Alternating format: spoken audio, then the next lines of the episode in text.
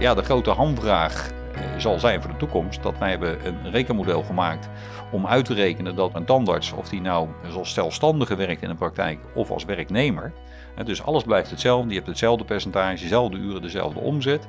Maar wat maakt het netto onderaan de streep uit? Dan kan dat een verschil opleveren bij mensen die fulltime werken van 20 tot 24.000 euro. Je luistert naar Mondzaken, de podcast van Dental Tribune Nederland. In deze podcast praten we je bij over de meest actuele en spraakmakende ontwikkelingen binnen de mondzorg. De presentatie is in handen van Reinier van der Vrie, hoofdredacteur van Dental Tribune Nederland. Welkom bij deze eerste podcast van Dental Tribune Nederland. Er zijn in Nederland naar schatting 1,4 miljoen ZZP'ers, zelfstandigen die zonder personeel werken. Ongeveer 1500 tandartsen en mondhygiënisten doen dat ook. Die werken dus voor eigen omzet en risico in de mondzorgpraktijk van iemand anders. Belastingtechnisch en arbeidsrechtelijk geeft dat vaak veel onduidelijkheden. Maar door het ontbreken van nieuwe wetgeving lijkt het ZZP-schap de langste tijd gehad te hebben voor mondzorgverleners. Ik spreek er in deze podcast over met Richard Mastwijk. Richard, welkom. Dankjewel Renier. Richard, je hebt een eh, bedrijfseconomische achtergrond en adviseert anders al meer dan 40 jaar over hun praktijkvoering. In 2009 richtte je met een aantal partners het onafhankelijke accountants- en advieskantoor van Helder op, dat zich heeft gespecialiseerd in accountancy voor de zorg. Je geeft ook regelmatig lezingen en schrijft voor iedere editie van Dental Tribune een column waarin je je verbaast over wet en regelgeving. Kun je eerst een uh, korte karakteristiek geven van wat het ZZP-schap inhoudt? Uh, ja, dat kan ik zeker. Uh, ik denk dat je het wel moet, in, in, een brede verband moet zien. Hè? Kijk, je hebt, je hebt de echte ZZP'ers heden ten dagen. Mensen die in de ICT zitten of in interim management. En dat zijn echt, denk ik, mensen die ook een, een, vrije, een vrije uitoefening van hun beroep willen hebben. En die, ja, die gewoon het ook fijn vinden uh, om uh, niet voor een baas te werken en gewoon uh, voor, een eigen, voor een eigen ondernemingje zonder alle problemen. ook wat, wat centra waar dat soort ZZP'ers bij elkaar zitten, waar ze gebruik kunnen maken van faciliteiten zonder daar direct te hoeven investeren in, in alle logistiek eromheen. Ehm, en je ziet gewoon, zeg maar, ZZP'ers die misschien wel niet echt helemaal ondernemer zijn, maar die in feite in het systeem uh, zeg maar zo ingebed zijn geworden dat ze uh, ja, willen profiteren. Of profiteren klinkt misschien wat, wat, wat, wat negatief. Maar dat ze gebruik willen maken in ieder geval van uh, wat mogelijkheden die er zijn. Ehm, en eh, dat zit met name op het gebied van, van de fiscaliteit. En omgekeerd is het zo dat er ook veel opdrachtgevers zijn die het natuurlijk heel prettig vinden om flexibele werknemers te hebben. Uh, dat zijn dan geen werknemers meer hè, in de arbeidsrechtelijke zin, maar die het wel heel prettig vinden dat ze makkelijk kunnen opschalen, maar ook weer kunnen afschalen op het moment dat hun bedrijf beter of minder loopt. En dan kun je natuurlijk heel makkelijk van deze ja, flexibele workforce uh, kun je afscheid nemen. Dus ja. dat, dat is eigenlijk wel een beetje waar het in de ZZP'er zit. Ja. Dus, Gaan we zo meteen ja. dan denk ik nog wel dieper ja, op okay. in. Maar kun je eerst uh, aangeven waarom uh, tandarts en mondhygiënist uh, voor deze constructie uh, kiezen? Nou, ik denk dat in belangrijke mate, wat ik al zei, van dat een aantal ZZP'ers kiest voor de voordelen zeg maar, van, het, van het ondernemerschap. En dan heb ik het met name over het, de, de fiscale voordelen die er zijn. en nou, dat zie je dus inderdaad met name de tandheelkunde, dat gebeurt al heel lang. En die fiscale voordelen, wat zijn die? Nou, de fiscale voordelen zijn de ondernemersaftrek. Dat betekent dat uh, als je op je inkomen uh, als ondernemer mag je 14% MKB winstvrijstelling in mindering brengen. Dus stel je verdient 100.000 euro. Als je dat verdient in een baan, dan wordt ook gewoon 100.000 euro wordt belast. Uh, ben je ondernemer en voldoe je aan alle criteria die erbij horen, maar dat voert misschien wat te ver om die allemaal uit te leggen. Dan betekent dat je een discount krijgt van 14%. Dus je betaalt niet over een ton belasting, maar je betaalt over 86.000 euro belasting. Nou, dat is in de hoogste schijf, hè, boven, meer, boven, meer dan 50%. Dus dat betekent een aanzienlijke besparing, hè, 7%, 7000 euro waar je over praat. Ja. Dus ja, daar is veel, veel aan gelegen. Dat is een van de belangrijkste uh, argumenten om daarvoor nou, ja. te kiezen? Ja, ik denk dat ook een aantal mensen het prettig vindt om een bepaalde vrijheid te hebben. Maar hè, dat je zegt van nou, ik ben vrij in mijn doen en laten. Maar we moeten ook heel reëel zijn dat als je werkt in de praktijk. Hè, zeker, we zien natuurlijk steeds grotere praktijkorganisaties uh, ontstaan. Denk ook even aan alle dentale ketens die er zijn. Nou, daar is uh, zeg maar hoe groter een praktijk wordt, hè, hoe meer alles geprotocoleerd is. En hoe meer alles zeg maar toch wel in beton gegoten is qua manier van werken. En omgaan met patiënten, delegatie, et cetera, et cetera. Dus om te zeggen van nou, iemand die in zo'n grote organisatie als zelfstandige werkt, die, die werkt, die heeft het helemaal voor, voor, voor zichzelf te bepalen. Dat is niet zo. Het is toch een beperkte vrijheid. Ik denk een, eh, een zeer beperkte vrijheid. En uh, kijk, wat je vroeger nog alles zag, hè, de tandarts die uh, op vrijdag op een gegeven moment niet meer werkte, maar voldoende aanbod aan patiënten had, die zei van nou, de praktijk staat op vrijdag leeg. En een jonge collega die kan er op vrijdag gewoon ervaring op doen, gaan werken. Nou, dan kun je nog zeggen, je kunt het naar eigen inzichten in gaan vullen. Maar in, in de grotere praktijken, waar natuurlijk steeds meer die tandartsen werkzaam zijn, de 1500 waar jij het over had, ja, daar is alles wel heel strang, strak georganiseerd. En dan is die vrijheid beperkt. Heb je zicht op hoeveel uh, pas afgestudeerden kiezen voor het ZZP-schap? Nou ja, ik, dan, uh, dan, ik, kan dat zien wat wij zelf binnenkrijgen aan cliënten. Maar anderzijds zijn er de pijlstations van, uh, van de KNMT die dat uh, ook in beeld brengen. En ik heb het idee dat dat ja, veruit het grootste gedeelte is. En of dat 80 of 90 procent is, dat, dat heb ik geen, geen recente cijfers van. Maar ik denk dat dat in die orde van grootte ligt. En waar lopen ze tegenaan? Tandartsen, mondhygiënisten die uh, ZZP'er zijn. Natuurlijk tegen een heleboel dingen lopen ze aan. Uh, maar ik weet niet of je daar iets specifieks mee bedoelt, fiscaal of uh, civielrechtelijk of verzekeringstechnisch. Hè? Ik bedoel, het zijn een aantal componenten. En er zijn, zoals Johan Kruijvel heeft gezegd, elk voordeel heeft zijn nadeel. En nou, dat is denk ik hier ook aan de orde. en ik denk dat de hele corona, maar daar ga je misschien straks nog iets over vragen, maar dat dat misschien heel aardig is. is dat mensen nu voor de eerste keer ervaren hebben dat het zelfstandig zijn dan ook oplevert dat ja, als een praktijk gesloten wordt, er kan niet gewerkt worden, ja, dan val je ook niet onder de vangnetten van de NOW eh, voor, voor werknemers. Maar ja, goed, dan is het ook jammer, helaas. Ja, je bent zelfstandig, je winkel is dicht. En net zoals de cafébaas, uh, ja, de bar de, wordt niet getapt en je hebt geen geld. In de coronatijd hebben ZZP en uh, tandarts en mondhygiënisten geen uh, inkomen kunnen genereren. Nou, dat is niet helemaal zo. We hebben, er zijn ook regelingen gekomen, maar die zitten op bijstandsniveau. En voor de eerste periode, hè, mensen die helemaal geen inkomen die konden een bijstandsniveau uh, uitkering krijgen van 1500 uh, euro per maand. Uh, ongeacht of je partner wel of niet een inkomen had en of je eigen vermogen had, ja of nee, een eigen huis. In de tweede regeling, de tweede de maandsperiode, drie maandsperiode, is dat al afgezwakt. Er gezegd van nou, we gaan wel rekening houden met het inkomen van een partner. Nou, als je die partner hebt, dan heb je al heel snel vermogen, ja, dan, dan, dan kom je dus niet in aanmerking. Uh, wat wel specifiek voor de zorg geldt, is dat naast de NOW, maar dat is eigenlijk een voorziening die gegeven wordt voor werknemers, hè, als je een bepaald omzetverlies hebt. Maar er is ook een continuïteitsbijdrage geweest vanuit Zorgverzekeraars Nederland. Hè. Daar heeft de beroepsvereniging zich uh, heel druk uh, mee bezig gehouden. En daar is in feite in bepaald dat ook, uh, zeg maar, ja, dan die zelfstandige, ja, die heeft geen, geen salaris wat doorloopt. Dus die zou ook een aanmerking komen voor een deel van die continuïteitsbijdrage. Ik heb er daar binnen van Helder hebben andere mensen die daar heel specifiek op hebben toegelegd. En, maar ik weet dat dat een regeling is die daarvoor geldt. Ja, maar eh, even los van de coronatijd, zijn er meer uh, nadelen van het ZZP-schap? Ja, dat, kan, dat kunnen nadelen en dat kunnen voordelen zijn. Om een voorbeeld te noemen, arbeidsongeschiktheidsverzekering. Op het moment dat je geen werknemer bent, dan ben je dus niet verzekerd voor, uh, voor arbeidsongeschiktheid en ook werkloosheid. Nou, zal voor werkloosheid zal dat niet een probleem zijn voor tandarts, want die kunnen altijd werk vinden. Dan zou je nog in een ultieme poging zou je, om werk te vinden, zou je een eigen praktijk kunnen beginnen. Maar bijvoorbeeld, neem arbeidsongeschiktheid. Ja, als je over een goede gezondheid beschikt, uh, dan kun je uh, bij Movier of een andere verzekeringsmaatschappij kun je heel goed verzekeren tegen een veel lagere premie dan binnen het, uh, zeg maar, het sociale stelsel. Vandaar dat uh, wat nu is uitgewisseld of is uitonderhandeld met het pensioenakkoord, dat er ook een AO en een arbeidsongeschiktheidsverzekering moet komen voor ZZP'ers, dat de gemiddelde tandarts daar helemaal niet op zit te wachten. Want die kan zich tegen veel betere condities, tegen een lagere premie verzekeren. Wat wel zo is, dat zijn de commerciële partijen.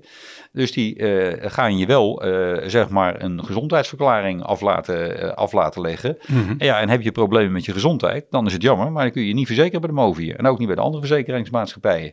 Dus dat zijn wel de nadelen. Dus ja, het kan een voordeel zijn, maar ook tegelijkertijd weer een nadeel. Ja. Dus zit je aan de goede kant van de streep, dan zijn er overwegend, dat is ook de reden waarom natuurlijk van die 1500 ZZP'ers denk ik bijna nagenoeg iedereen als zelfstandige werkt, dan zijn er meer voordelen dan nadelen te noemen. Ja.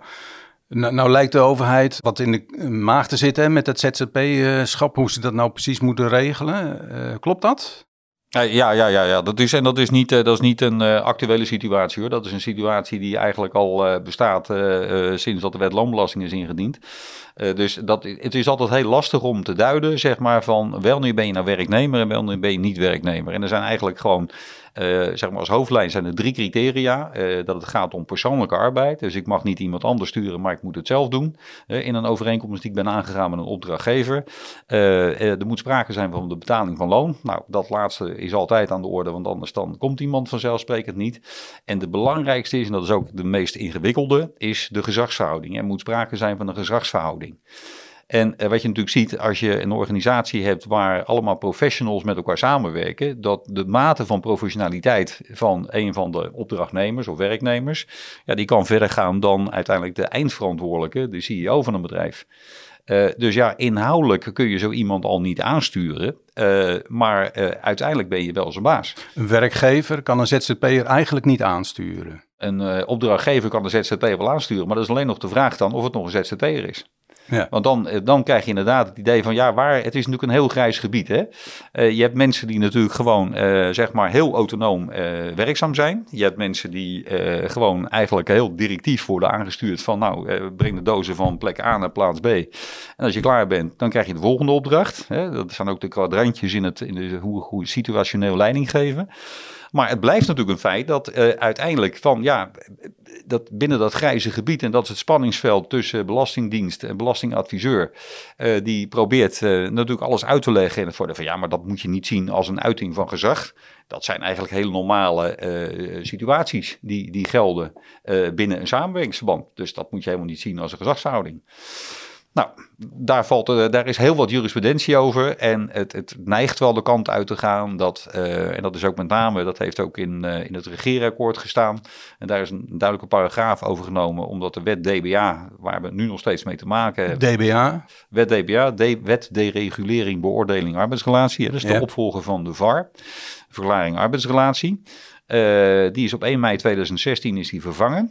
Uh, nou, dat was natuurlijk al een. Van tevoren wisten we al dat het een groot probleem zou zijn. Dat is ook gebleken. Alleen het is een dusdanig ingewikkeld probleem. dat niemand nog in staat is geweest om het op te lossen. tot op de dag van vandaag. Zonder in detail te treden, maar wat is het probleem met die DBA? Uh, nou, de wet DBA die heeft, eigenlijk, die heeft eigenlijk nog meer onduidelijkheid uh, gegeven. Kijk, uh, misstanden die zijn er onder iedere wetgeving, zeg maar, kunnen er, kan er onbedoeld of misbruik zijn van een wet. dat is ook, zeg maar, bij de VAR is dat het geval geweest. Alleen heeft men door de, het invoeren van de wet DBA, daar is Erik Wiebes verantwoordelijk voor geweest als staatssecretaris, heeft hij iets geprobeerd te repareren. Uh, maar hij heeft het probleem alleen maar groter gemaakt. Dus hij heeft eigenlijk gezegd van nou, alle misstanden die er zijn van mensen die niet als zelfstandigen werken, uh, maar die wel een VAR hebben aangevraagd, dat gaan we proberen te voorkomen. Uh, ook mensen aan de onderkant van, van de arbeidsmarkt die als nou, bezorger, de, de Livero-jongens zijn daar een goed voorbeeld van. Er is ook een aantal keren over geprocedeerd, civielrechtelijk. Ehm, maar die worden uitgebuit. Uh, ook uh, de, de taxis van Ubers uh, en dat soort voorbeelden zijn, zijn heel duidelijk. dus men heeft geprobeerd die schijn zelfstandigen te beschermen tegen ja, dat, ze, dat ze geen ontslagrecht hebben, beperkingen daarin, geen voorzieningen hebben bij, bij ziekte en dergelijke. maar ja, wat ze hebben gedaan is dat er eigenlijk modelcontracten voor in de plaats zijn gekomen. En nu zitten we eigenlijk al sinds 1 mei 2016 te gek voor woorden. dat we nu al vier jaar lang in feite met een onduidelijke wetgeving zitten. Uh, die uh, die uh, problemen nog steeds niet heeft opgelost. En die alleen maar iedereen nog meer in verwarring hebben gebracht. Maar die modelcontracten werken, werken die niet in, in de tandheelkunde? Uh, nou ja, in de tandheelkunde werken ze redelijk goed. En ik denk dat ook in de. Kijk, als je kijkt ook waar het voor bedoeld is geweest, uh, het, het weghalen van bepaalde misstanden. Ja, ik denk dat die er binnen de tandheelkundige wereld niet zijn. Uh, iedere tandarts die werkt in de praktijk van een collega praktijkhouder, of, of dat dan een keten is, nou, die kunnen prima voor zichzelf zorgen, zijn goed verzekerd, doen zelf wat aan hun pensioen. Uh, er zijn gewoon goede voorwaarden, dus daar liggen helemaal geen problemen. Is er wetgeving in de maak op dit moment die uh, van belang is voor uh, en tandartsen die als ZZP'er uh, werken. De wetgeving die gepland stond, uh, dat was eigenlijk de wetgeving om, los van alle technische aspecten, maar dat men eigenlijk zei van nou we gaan naar een soort driedeling toe. dat we hebben de onderkant van de markt en daar, die gaan we beschermen, die groep, door een minimumtarief in te stellen. Uh, daarmee zou je dus het probleem dat mensen uh, alleen maar ZZP'er worden, omdat ze dan minder dan het minimumloon betaald kunnen krijgen. Nou, dat zou je daarmee zou je dat kunnen voorkomen. Je zou een brede middengroep krijgen die zeg maar voor zijn een zelfstandigheidsverklaring zou moeten gaan werken, allerlei vragen. En je zou voor de groep daarboven, mensen die meer dan 75 euro per uur verdienen, daar zou het een opting-out regeling worden. Waarbij je zegt van nou, als jij vindt dat je zelfstandig bent, dan moet je daarvoor kunnen opteren. Maar dan moet je wel ook economisch min of meer onafhankelijk zijn. En men heeft bedacht dat je dat vanaf 75 euro per uur, uh, dat je dat dan bent. Uh, dat heeft zoveel discussie al gegeven dat je zegt van nou als je nou 75 euro verdient en als je nou 10 uur uh, per dag bezig bent geweest met je werk, maar je hebt maar vijf uur declarabel gewerkt. Is dan, is het, gaat het dan om die, wat je per declarabel uur hebt verdiend? Of moet je het over die tien uur gaan verdelen? Dus er zijn allerlei uh, zaken die zeg maar daar een rol in spelen. En ehm, ja, goed, dat is niet handig geweest. Dus men heeft uiteindelijk, en, en die, die ondergrens, dat, dat gaf het probleem met, in het kader van Europese wetgeving. Mm -hmm. Dat eigenlijk dat al vrij snel bleek, dat heeft Koolmees terug moeten trekken van ja, dat gaat niet werken. Ehm, dus uiteindelijk is dit nu van tafel. En zijn we weer terug bij af. Okay, dus uh, ja, dat laat het eigenlijk weer helemaal ongewis wat er gaat gebeuren. Wat voor de middengroep al steeds een uh, idee is geweest, uh, dat is de webmodule. En de webmodule is eigenlijk een geautomatiseerde aanvraagformulier van de VAR, die we van vroeger kenden, de verklaring arbeidsrelatie, die tot 1 mei 2016 van kracht was.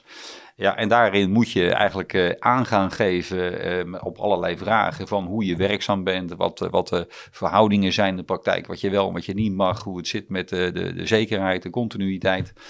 En ja, daar gaat men op inzetten. nou, ik heb die, die vragenlijst heb ik ook gezien, die heb ik bestudeerd. en ja, ook daar heb ik weer het gevoel van dat vragen multi-interpretabel zijn. En dat je daar met een beetje fantasie, zonder te liegen, dat je daar best een antwoord kunt geven die in de goede richting zit. Uh, maar waar je ook van kunt zeggen van nou is dat zo. Men heeft een aantal testen gedaan en het blijkt ook wel dat uh, zeg maar mensen die op grond van die webmodule als zelfstandig worden aangemerkt, dat de deskundigen die dezelfde casus hebben beoordeeld, dat uh, niet 100% dekking zeg maar is dat de deskundigen vinden dat iemand een werknemer is en de webmodule dat ook vindt, of dat men ondernemer is, ja of nee. Maar uh, wat we wel zien is dat uh, uh, een eerste indicatie is wel dat ruim de helft van de mensen die zeg maar als ZZP'er werken en die de webmodule zouden invullen, dat daar een hele sterke indicatie is dat dat een arbeidsovereenkomst is. Dus niet meer een fiscaal zelfstandige. En wat is nu die status van die uh, module? Nou, die zit, een, uh, die zit nog steeds in een pilotvorm. En de bedoeling is dat vanaf het najaar uh, dit jaar, dat we er dan actief mee gaan, gaan werken. En, en wanneer die de, een, een, formele status gaat krijgen, is op dit moment onduidelijk. En daar speelt natuurlijk de hele coronacrisis speelt daar een hele belangrijke rol in. En het zou mij niet verbazen als de hele gedoogsituatie, hè, want we hebben te maken onder de wet DBA omdat vriend en vijand het erover uh, eens is dat die wetgeving niet echt deugdelijk is en dat die veel te veel onduidelijkheid geeft. Dat men heeft gezegd van ja, je kunt niet gaan handhaven uh, op een wet die onduidelijk is. Ja, het is natuurlijk een belachelijke situatie die we hebben, dat je al vier jaar lang eigenlijk een uh, handhavingsmoratorium hebt, zoals het heet. Ja, ja, ja. Ik uh, verwacht eerlijk gezegd met alle problemen die men heeft en, en ook alle problemen die ZZP'ers ondervinden, uh, dat, men, uh, dat men daar het uh, komend jaar nog niet veel zal gaan veranderen. En dat ook die webmodule, die men ook in het verleden al een keer geprobeerd heeft, dat die te veel problemen zal geven, verkeerde uitslagen zal geven, de ene kant op en de andere kant op. Dat, ik weet het niet. Nee, oké. Okay. Nee. Zijn er andere ontwikkelingen die van invloed zijn uh, op het ZZP-schap? Nou ja, ik weet niet of je, of je dat, uh, dat uh, wat ik net heb aangegeven, dat zijn natuurlijk uh, zeg maar met name wat, wat fiscale dingen. wat we ook zien is dat civielrechtelijk en natuurlijk steeds een nieuwe beoordeling plaatsvindt van ja, wanneer is er nou wel sprake van een werknemer of, of een zelfstandige. Dus daar, ook daar ligt zeg maar wel wat, wat ontwikkeling in de jurisprudentie. En het is nu net recentelijk dat de advocaat-generaal in, in dat kader een, een duiding heeft gedaan of iemand wel of niet in dienstbetrekking zou zijn. En dat lijkt in ieder geval de kant uit te gaan van de arbeidsovereenkomst. En waarbij men zeg maar het groen schroeversarrest, iets wat jarenlang als een soort van uitgangspunt heeft gediend in de, in in civiele praktijk voor het arbeidsrecht. Dat men zegt, ja, weet je, we moet, je moet dat los gaan laten en niet zozeer kijken naar de bedoeling van partijen zoals we dat bij de overeenkomst hebben uh, afgesproken, maar hoe er feitelijk gewerkt wordt. En op het moment dat je inderdaad gewoon echt werkt, uh, zeg maar, als werknemer, ja, dan ben je ook gewoon werknemer. Los van wat je voor contracten maakt en wat de bedoeling is geweest van partijen. Dus uh, daar, zit wel een, uh, daar zit een ontwikkeling in. En ja, wat natuurlijk heel belangrijk is, heel specifiek voor de mondzorg, uh, is dat we natuurlijk een, een, hele, een steeds grotere concentratie krijgen van dentale ketens. Die natuurlijk op een andere manier worden aangestuurd. dat is veel directiever dan dat dat misschien in de gemiddelde tandartspraktijk zal gebeuren, die van een tandartspraktijkhouder is. Uh, dus uh, ja, ik, ik, denk dat daar ook een verandering in gaat komen. Kijk, die hebben natuurlijk ook een baat. Alle dentale ketens hebben met name natuurlijk ook uh, baat bij het feit dat ze een flexibele zeg maar workforce hebben. Daar hebben ze baat bij. aan de andere kant geeft dat ook wel natuurlijk wel weer een, een stukje ja, onzekerheid. Dat mensen ook heel makkelijk kunnen zeggen van nou, ik ga weg en ik, ik ben er niet meer.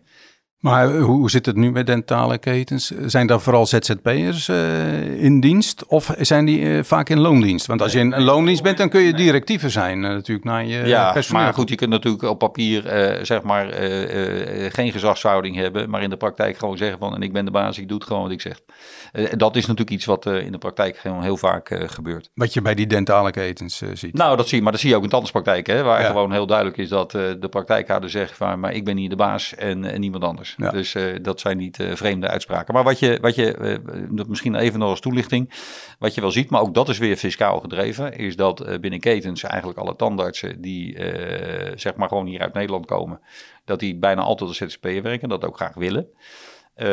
helaas zijn niet altijd de modelcontracten die gebruikt worden, zijn altijd helemaal fiscaal proef, omdat ze daar een eigen sausje overheen hebben gegooid.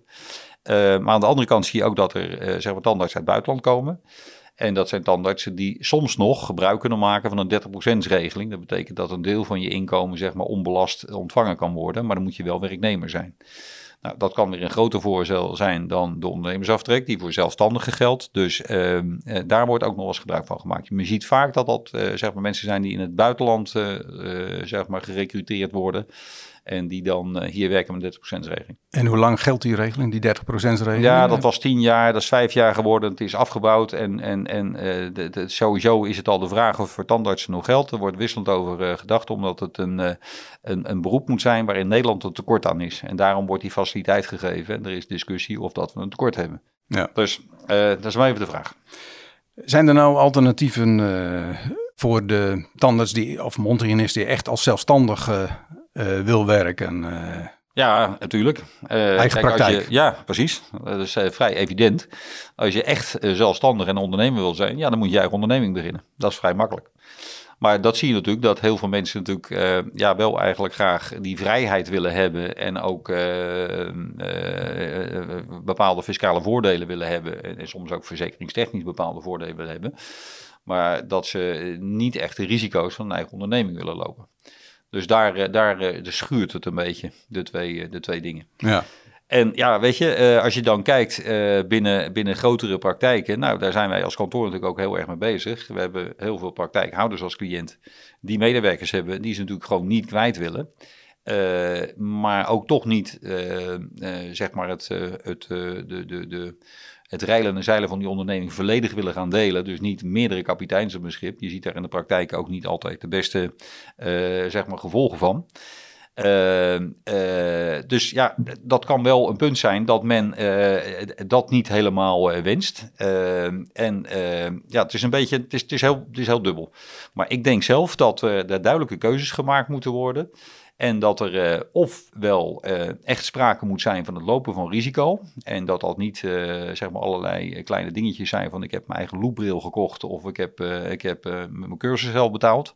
Maar dat je echt materiële investeringen moet doen in die praktijk waarbij je ook echt aansprakelijk bent voor, voor risico's die er zijn. of dat het loondienst wordt. Waarom uh, zeg je van die scheiding? Dat geeft dat gewoon veel, veel meer nou, duidelijkheid. Je ziet, je ziet, nu dus, en ik, ik denk een beetje, en, uh, dat, dat er nu allerlei pseudo-oplossingen bedacht worden. zeg maar, hè, met modelcontracten, waarbij je zegt van ja, weet je, men is niet echt de echte ondernemer gelijk aan de praktijkhouder. en dan worden er allerlei dingetjes bedacht om zeg maar daar tussen dat tafellaken en het servet in te blijven zitten. En ik denk dat als je kijkt naar wat er in, uh, wat in het regeerakkoord heeft gestaan, waar ook allerlei adviesorganisaties meegekomen zijn, uh, dat uh, men zegt van ja, weet je, al die schijndingen die moeten we wegknippen. En wat met name een hele belangrijke indicatie is, en dat is iets wat voor de praktijk redelijk funest zal zijn, is dat men aan heeft gegeven van op het moment dat je ergens uh, als ZZP'er langer werkt dan een jaar, ja, dan kun je eigenlijk niet meer zeggen dat je, dan hoor je bij het meubilair. En dat is een hele sterke indicatie dat er dan sprake is van arbeidsovereenkomst. dus uh, je kunt alleen maar ZZP'er zijn. Hè. Dat zou voor iemand kunnen zijn die in de automatisering zit, die echt een klus doet binnen een bedrijf en zegt van nou, dat moet, er moet een omslag gemaakt worden in de automatisering en de ICT.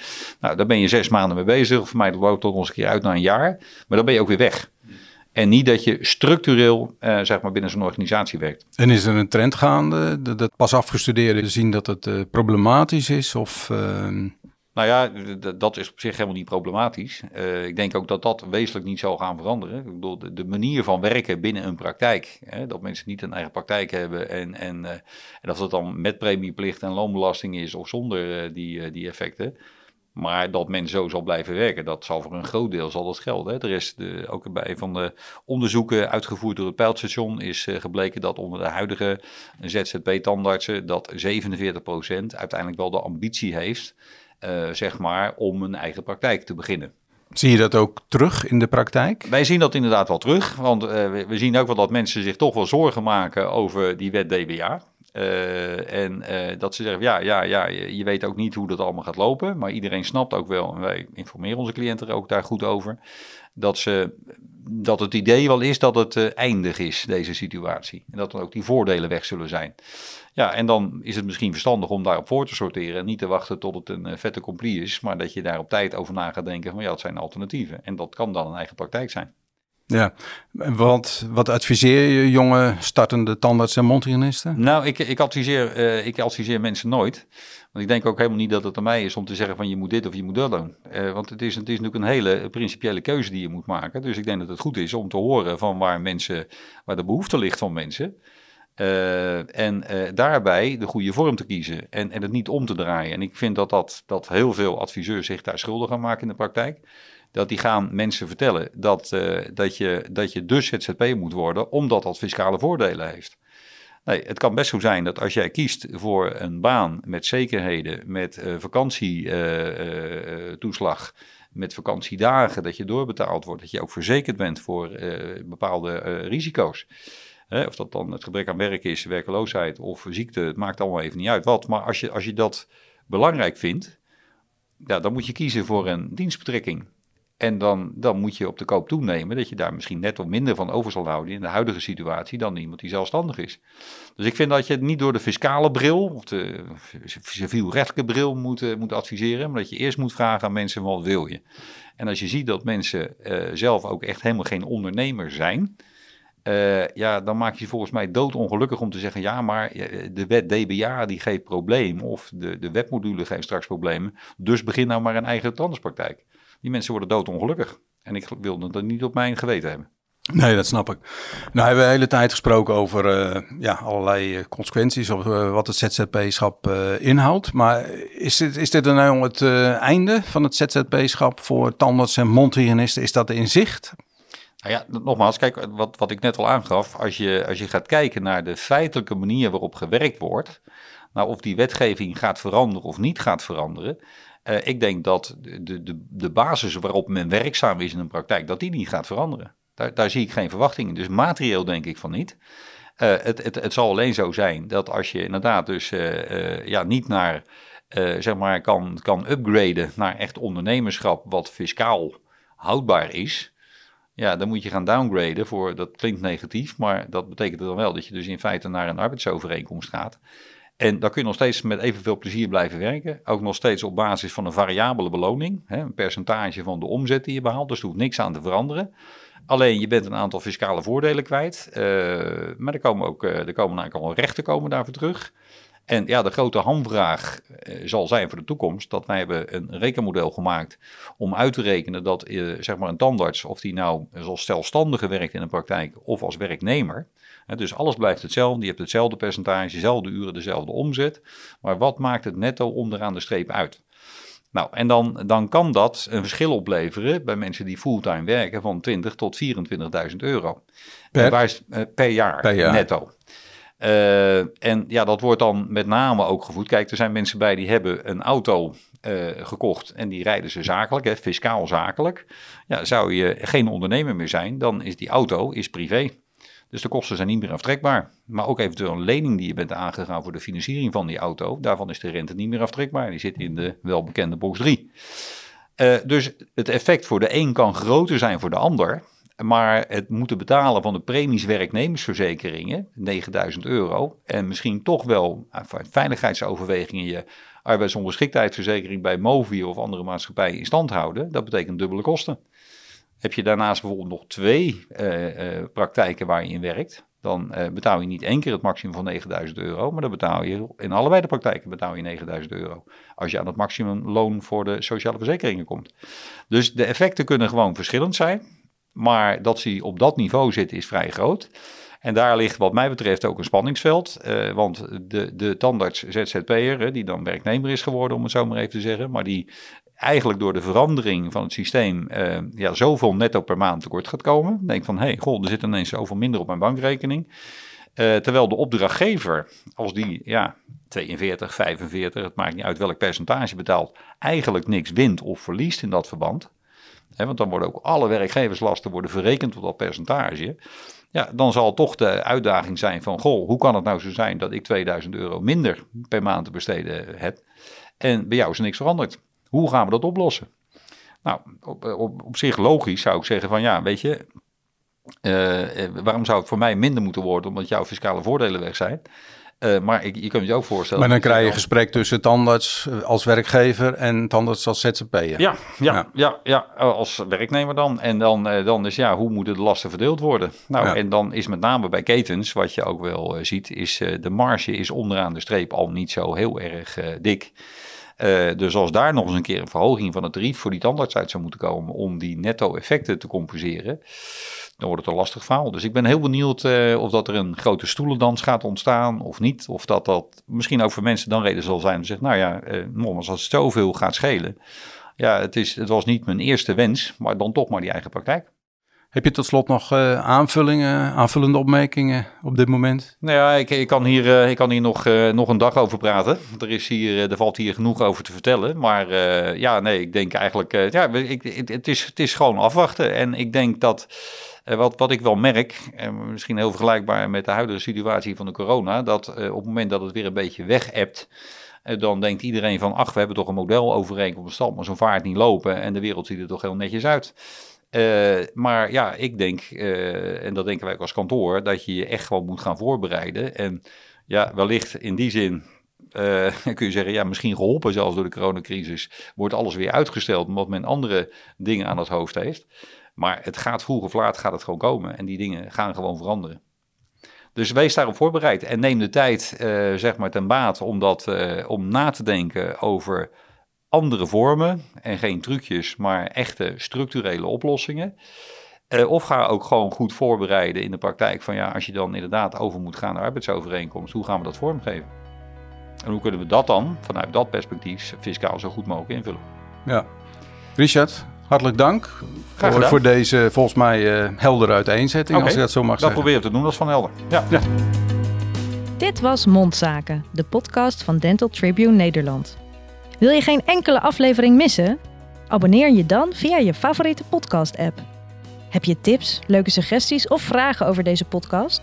Stuur dan een mailtje naar redactie@dental-tribune.nl.